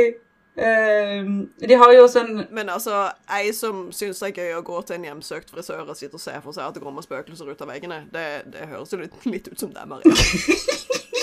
Faen, det er meg, vet du. Jeg hadde jo selvfølgelig satt meg i den frisørstolen hver dag og sagt sånn Du, jeg skal bare stusse litt. Til slutt hadde jeg vært skalla.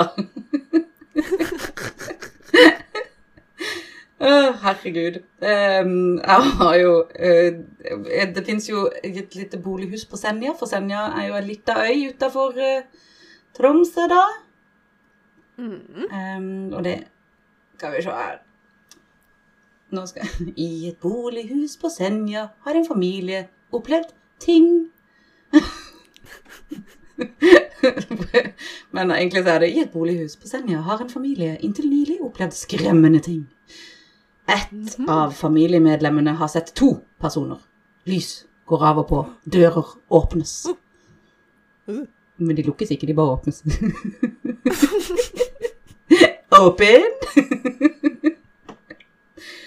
oi, oi, det er gøy. Eh, fortvilet måtte familiemoren be kirken om hjelp.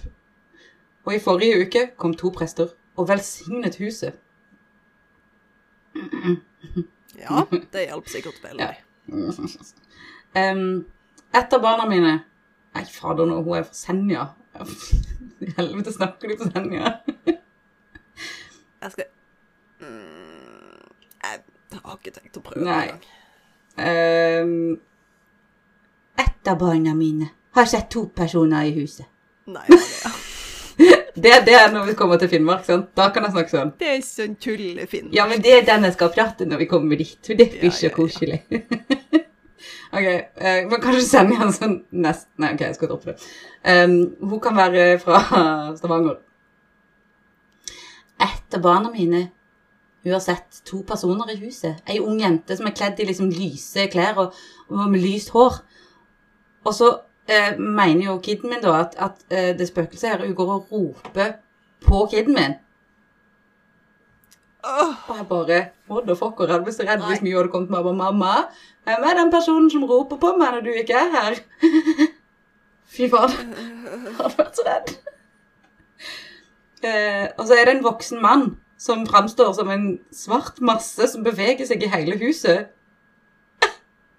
Hvordan vet du da at det er en voksen mann? Eh, sikkert fordi at eh, denne kiden her da eh, har sett to personer, og så barn ser andre ting enn vi gjør. I don't know. Ja, det er mulig. Eh, og, og hun, det som er veldig fint, er sånn, eh, forteller familiemoren som ønsker å være anonym i hensyn til resten av familien. Veldig flink mor. Eh, hun forteller også om en av ungene som blir pusta i nakken, pjuska i håret av noen. Altså, Nei takk. altså, Nei nei, takk. Ellers takk. altså liksom, tenk liksom sånn Ungen bare sånn 'Å, er noen som koser i håret mitt, mamma?' Nei. det er kjempeskummelt. Åh, Og så blir pusta i nakken. Uh. Det er forferdelig. Og ofte så blir sofaen de sin flytta på.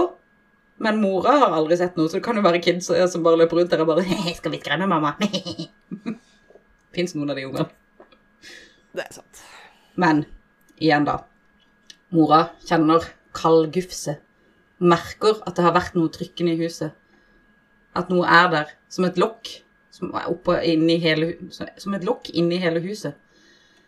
Eh, familien flytta inn i huset i fjor. Huset ble reist tidlig på 1950-tallet, men har trolig sin opprinnelse fra et annet lite bygdesamfunn.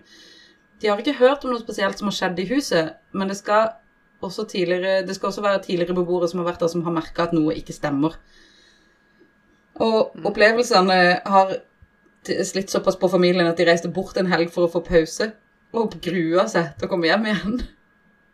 Å nei. Og eh, familiemora bare eh, Forferdelige greier. Bare sånn, «Å, vi reiser vekk fordi vi orker ikke å være her. Og vi skal reise hjem igjen, så er det sånn Hva faen er det som skjer med huset vårt? Å, for faen. Forferdelig. Eh, ja, hun er fra Stavanger. ja. Eh, hva er det som skjer med huset vårt? Jeg aner ikke. Det er jo som om eh, Det er jo ingen som kan gi et svar på det her, men, men jeg blir jo livredd, og jeg tror jo på det barna mine forteller. Jeg tror ikke de lyver til meg. Og det er hun enig i. Eh, hun, er eh, hun er ikke den som tror lett på slike ting. Hun hadde tidligere lest om de uforklarlige tingene som skjedde i frisørsalongen i Tromsø, med en, med en viss tvil. Altså, hun er jo med. Så står vi plutselig midt oppi det sjøl og må ringe til menighetskontoret og be om hjelp. Så hvordan dette skjedde, det vet ikke. Jeg tror kanskje jeg ble gal av å flytte til Tromsø. Det var dumt av meg. Jeg skal ikke gjøre det. Jeg flytter hjem til Stavanger. Men måtte ha, jeg måtte jo da ha hjelp, så jeg ringer jo da kirka. sant? Så kommer det to prester ut til boligen samme uka, og de hadde et sånt liturgisk opplegg som de fulgte. Snakket med oss, begynte å synge salmen Vår Gud, han er så fast en borg. Åssen går den? Jeg kan ikke den, tror jeg. Uh, Sara, syng. Monkey dance. jeg kan, jeg veit, i himmelrik ei Ja. borg, men jeg tror ikke det er den samme.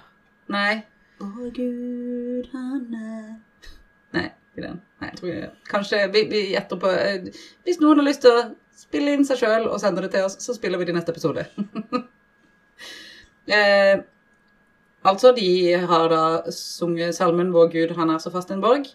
Så fortalte de tre historier fra Bibelen. Ba Fader vår og en annen bønn. Sang flere salmer. De velsigna huset vårt og vi som bor her, og ba om fred for oss. Og fred ble det. Det er ingen her nå, forteller moren på Senja. Og Sverre, linjeskift. Grøss og gru. Punktum. Linjeskift.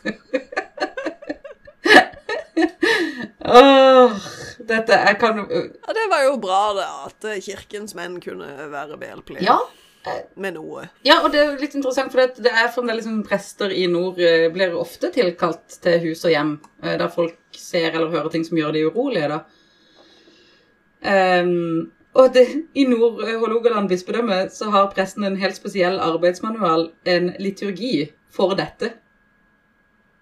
Jeg synes det er litt kult. Men de avviser blankt en parallell til åndeutdrivelse, eksorsister og healere. Eh, prest blir intervjua her. Jeg er ikke noe åndeutdriver, jeg er ingen engletransportør eller sjaman fra Den norske kirke, eh, Altså, det Engeltransport! engletransportør. Å, det er fint. Dette er da Kjell Skog, som er sogneprest i Tromsøy Tromsøysund menighet. Og han er klar og tydelig i sin tale. Eh, jeg var på mitt første husbesøk av denne typen i Bjørnevatn i Sør-Varanger på begynnelsen av 1970-tallet. Og gjennom mine 40 år som prest i Finnmark, i Nord-Troms og i Tromsø-områdene så har jeg liksom, jeg har fått henvendelser fra mennesker som føler uro i husene sine, men jeg er ingen seismograf som går rundt og kjenner på energier her og der. Jeg er en arm, en liten, avgående prestemann som har levd et liv med alle de forestillinger som er knytta til en lyngsværing som er født for 70 år sia. Og det er ikke så lenge til nå, så tar jeg av meg prestekappa og går inn i pensjonistenes rekker. Han her høres ut som han er så dritlei av å få spørsmål om det der, og bare Jeg er ikke noen seismograf. Nå må dere slutte, dere er så dumme. Det er jo bare dere som har et dårlig familieliv. Så kommer vi inn der, synger litt sanger for dere, så blir dere glad. Ja, men altså mm, si, Tradisjonelt og historisk så har det vel vært mer overtro i typ i de nordlige fylkene. Ja. Det var lett å finne historier. Jeg hadde jo noen fra, fra den boka òg, men nå tenkte jeg, nå har jeg hatt den boka tre-fire ganger, så tenkte jeg nei, nå må jeg ta en, eh, Mm. ei lita Men jeg tenker sånn, også det at det er vanlig at man tilkaller presten for å For å få det til å jeg fikse opp i spøkelsesproblemet ditt, kan jo ha noe med å gjøre at hvis det er et område Altså, hvis det er tradisjon for mer overtro enn i resten av Norge, så er det liksom helt dagligdags at ja, det er en ting som presten gjør, Ja, ja, ja. ja. på en måte. Ja. Og jeg er jo egentlig sånn sett enig i Jeg tror nok eh, For jeg syns jo healere ofte i mitt hode så er jeg litt sånn Hvor mye hasj røyker du? Det er liksom første spørsmål hvis du er healer, liksom. og no judgment. Det kan være mange som føler at healing funker. Jeg skal ikke si noen ting på det. Men jeg er liksom alltid liksom mer skeptisk til healere enn til prester. Fordi at prester har liksom vært en så stor del av samfunnet i så mange hundre år at jeg tenker ja, men det må jo ha noe for seg. Ja, det er jo Ja, man kan jo begynne å lure. Altså, jeg tror jo ikke på Jeg tror på prestenes funksjon på et sånn mellommenneskelig nivå, enig. men jeg tror jo ikke at de har noe sånn talerør til det høye eller whatever, for jeg tror jo ikke på Gud. Nei. Ifølge presten sjøl, da, så, eh, så mener han at han bare er eh, et redskap for hånden i disse situasjonene. Han er Guds ord. Ikke sant? Så tenker jeg sånn Ja, jo, ja. Eh, Jeg.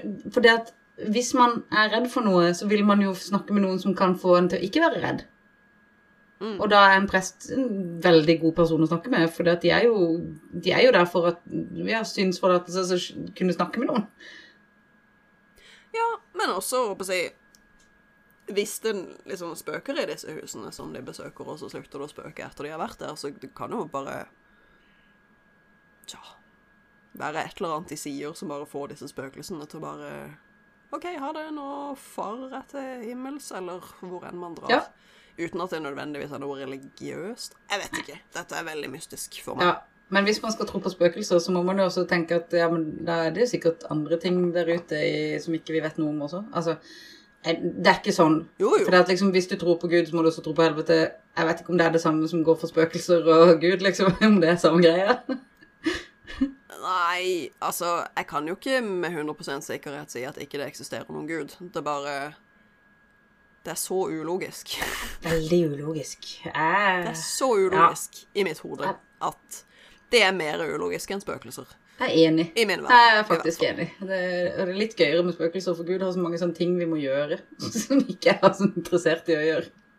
Altså, har han gjort mye kjipe greier. Ah, mye kjipt. Altså. Han, hen, Hen. Mm. It. den. Den. Ja. Men det var jo da Det er jo masse mer her. Jeg kunne jo holdt på i uminnelige tider, som jeg akkurat nå leste. Slutter alle artiklene med grøss og gru, punktum, linjeskift. Herregud. Alle disse historiene. Grøss og gru. Prøv å variere litt, da, altså. Men nå er det faktisk eh, etter, eh, etter disse, disse historiene, grøss og gru-historiene, så er det mest eh, de, de er veldig fine, for de intervjuer ganske mange prester. Eh, For de har liksom Det er en prest i Finnmark og Troms eh, eh, som biskop. Unnskyld. Biskop Per Oskar Kjølås får mange henvendelser fra mennesker som føler utrygghet og ufred i sine hjem. Han har vært i alle hjemmene og bedt om fred, og sier liksom det kan være mennesker som har hørt ting, eller følt eller hørt noe som skaper utrygghet, og det gjør at folk er liksom redde og utrygge. Og det er aldri liksom forbundet med uro eller dramatikk. Han er liksom bare kommer og, og er der og snakker med de, og liksom de ber om råd, og han lytter på det og snakker med det og tar mennesker på alvor, da, og det er jo veldig bra. Det hadde vært sykt gøy å intervjue en av disse prestene, virker det. Helt enig. Eh, så sier han også velsignelse av hus er ikke noe hokus pokus eller fiksfakseri. Fiks Mm, fantastisk ord. Det understreker han. eh, det, det understreker både han og andre prester Nordlys har snakket med. Først har vi en samtale med menneskene i huset. Vi synger salmer, ber bønn for huset, folket og ber om fred. Leser Guds ord og Fader vår. Den forutgående samtalen er viktig for eh, hvordan en ber for stedet. Eh, den kan jo godt henge sammen med at det er en at det er personen som har behov for forbønn, at personen har en uro i seg som smitter over på omgivelsene f.eks. Eller så kan det være omgivelsene som rett og slett skremmer vedkommende, og her tenker jeg sånn Yes, nå er dere inne på noe. For det er jævlig skummelt med de fjellene i Nordland, altså. Jeg syns de er kjempeskumle. Nordland-Troms. Det er jo Ja, det er jo det perfekte landskapet for eh, Skrekk og uro, rett og slett. Ja. Og det, liksom, det må jo være en grunn til at eh, prestene i liksom Nord-Norges bispedømme Nord-Norge altså, Jeg vet ikke hvordan det er, men ja, bispedømme Nord-Norge At de har den der egne manualen som er liksom De har liksom faktisk bestemt seg for at vi skal strukturere dette på en ordentlig måte. Eh, både for å hjelpe vi som prester, sånn at vi har noe å komme med, og også hjelpe menneskene de møter, da. Så det er jo Ja. Det er jo faktisk Og manualen, dette er kult da, manualen har sin opprinnelse i samisk eh, liturgi. Ah, selvfølgelig. Ja. Selvfølgelig har hun det. Så det er fint. Og snart så kan det bli en del av Den norske kirkes liturgi, som skal gjelde over hele landet. Det er fint. Ja. Samer, ass. Ja. Begynner vi å faktisk respektere det på en riktig måte. Ah, Nei, eh, vi kunne respektert det på en helt annen måte. Eh, usikkert. Usikkert. I hvert fall eh, så godtar vi at de sine tanker var bra også. Men sånn er da historien om eh, Troms. Det var gøy. Det var iallfall Tromsø. Nå har vi jo vært mye i Tromsø og litt på Senja. Litt av øy der. Men jeg lurer på Mhm. hvorfor de brukte det der tørrfisklageret som lagringsplass for døde soldater. Ja, det må vi jo nødt til å finne ut, Hvem? da. Var det tyske soldater? Tyske og norske. Norske soldater? Tyske og norske. Tyske og norske. Begge deler. Ja. Så det var liksom bare sånn lagringsplass. Sånn, oi, du er død. Ok, vi putter deg sammen med de andre. Og så, hva gjorde de Jeg regner med at ikke du kan svare på det, men hva gjorde de med de etter det? Nei, eh, det sto, jeg har jo faktisk ikke googlet noe særlig om det, så det burde du kanskje gjøre. Um, jeg vet ikke hva de burde hva de, altså, Det er vel sikkert fordi at de ikke hadde Nå vil gjeting, men det var jo fryktelig kaldt. Eh, vinter sikkert. Og så var det vanskelig å grave de ned i en massegrav. Altså få en sånn dyp nok grav. I don't know. Det er sant. Det er sant. Og så var det sikkert kaldt nok. Det er sikkert, det er sikkert en eller annen ren praktisk eh, forklaring. Jeg bare mm, Liksom hvis, hvis det holdt seg kaldt nok, hvis det var vinter, ikke sant? så hvis det holdt seg kaldt nok, så kunne de sikkert eh, bare ligge i det huset uten å begynne å lukte, fordi det var, sånn, det var såpass kaldt at de ikke råtna. Ja, det er et godt poeng. Nå bare fabulerer jeg. Valid point. Thank you. Begynner å forstå eh, tankegangen bak mord og død. Jeg tror kanskje jeg fortsatt bare ville gitt dem liksom en sjømanns gravferd og kasta dem på sjøen. Men tenk så kjipt hvis du er en av de som bor på øyene rett utafor, og så plutselig en dag så kommer det en tysk råtten soldat flytende over til øya di som bare blabb, blabb, bla. Eh, De blir jo spist av fisk og krabber og alt mulig rart. Jeg var jo litt enig. Men, ja, men det, det er jo noe med respekten vi mennesker har for eh, døde, selv om det er krig og kaos, sikkert. At, ikke at massegrav er så jævla mye bedre, men det er sikkert noe sånn. Nei At de tenker sånn Vi må få begravd dem, de må få en ordentlig grav, men vi har ikke tid, det er for mange. Hvis noen der ute vet hvorfor man hadde lagringsplass for døde soldater i Tromsø sentrum, så please. Hanne, please si du har lest. Si. Har du lest om dette? Please si ifra. ja, enig. Men det var historien om Tromsø sine spøkelser. Og litt om Og lite grann Senja. Lite grann Senja. Ja, men det er fint. Så da er vi ved veis ende, og jeg syns vi har klart å holde oss godt innafor tida i dag, Sara. Det har vi utrolig nok gjort. Det var Det må være første gangen. Mm. Da eh, må vi bare si til alle som hører på, vi elsker dere. Følg oss på sosiale medier. Gjør de tingene som er kult. Skriv til oss. Snakk med oss. Vi digger dere. Send oss historier hvis dere har Ja! Send oss alle. Alle sammen! Ja, Takk for historien. Vær så god. Det gjenstår det bare å si én ting. Lukk likdøra.